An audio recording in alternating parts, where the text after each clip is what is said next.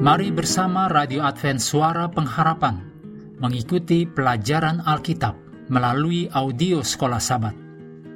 Selanjutnya, kita masuk untuk pelajaran Minggu 19 Februari.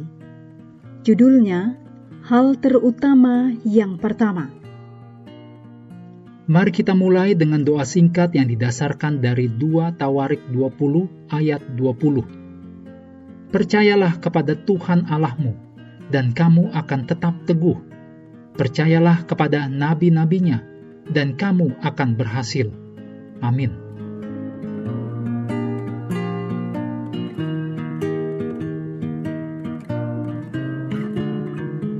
Pekabaran bagi kita dalam pengkhotbah 12 ayat 1, yaitu ingatlah akan penciptamu pada masa mudamu, sebelum tiba hari-hari yang malang dan mendekat tahun-tahun yang kau katakan, tak ada kesenangan bagiku di dalamnya. Ketika orang muda menjadi dewasa, pikiran muncul tentang harus menyediakan kebutuhan-kebutuhan dasar, seperti makanan, pakaian, dan tempat tinggal.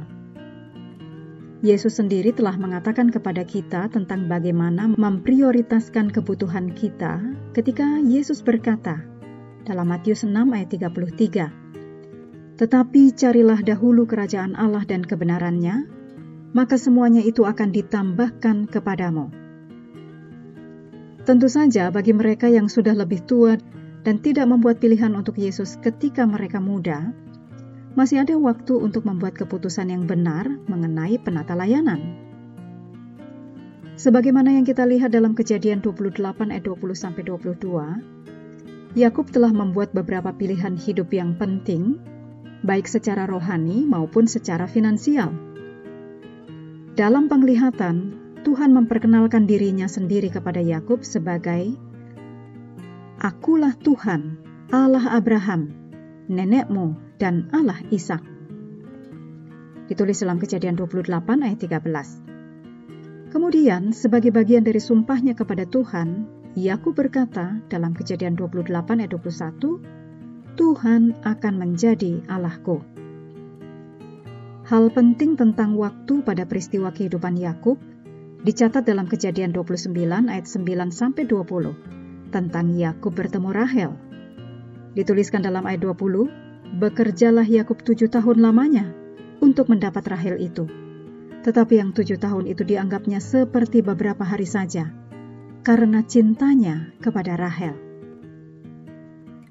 Setelah Yakub membuat komitmen rohani dan komitmen keuangan kepada Tuhan, Tuhan mengarahkan Yakub kepada pertemuan dengan Rahel di sumur itu.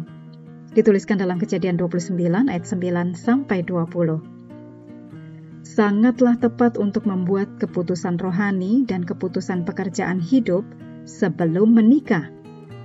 Calon pasanganmu harus mengetahui apa yang sedang mereka masuki Apakah dirimu seorang Kristen yang berkomitmen? Apa jenis pekerjaan yang akan ditekuni? Akankah orang ini akan menjadi seorang guru, perawat, pengacara, buruh, atau apa? Jenis komitmen kehidupan yang bagaimana yang akan saya masuki? Pertanyaan lain yang harus dijawab sebelum komitmen perkawinan adalah tingkat pendidikan apa yang telah diselesaikan berapa jumlah utang yang akan timbul dalam perkawinan. Apakah saya bersedia untuk menerima situasi ini sebagai bagian dari tanggung jawab saya? Prinsip yang begitu penting untuk dipikirkan dalam mencari pasangan hidup ada dalam 2 Korintus 6 ayat 14 dan 15. Janganlah kamu merupakan pasangan yang tidak seimbang dengan orang-orang yang tak percaya Sebab persamaan apakah terdapat antara kebenaran dan kedurhakaan? Atau bagaimanakah terang dapat bersatu dengan gelap? Persamaan apakah yang terdapat antara Kristus dan Belial? Apakah bagian bersama orang-orang percaya dengan orang-orang tak percaya? Meskipun ini tidak menjamin pastinya sebuah perkawinan yang baik, hal ini akan sangat menolong untuk kemungkinan yang besar bahwa sebuah perkawinan akan jauh lebih baik. Mengakhiri pelajaran hari ini, mari kembali ke ayat hafalan kita dalam Kolose 3 ayat 23 dan 24. Apa pun juga yang kamu perbuat, perbuatlah dengan segenap hatimu seperti untuk Tuhan dan bukan untuk manusia. Kamu tahu bahwa dari Tuhanlah kamu akan menerima bagian yang ditentukan bagimu sebagai upah. Kristus adalah Tuhan dan kamu hambanya. Kami terus mendorong Anda untuk mengambil waktu bersekutu dengan Tuhan setiap hari, baik melalui renungan harian, pelajaran sekolah sahabat, juga bacaan Alkitab sedunia percayalah kepada nabi-nabinya, yang untuk hari ini melanjutkan dari 2 Tawarikh pasal 35. Tuhan memberkati kita semua.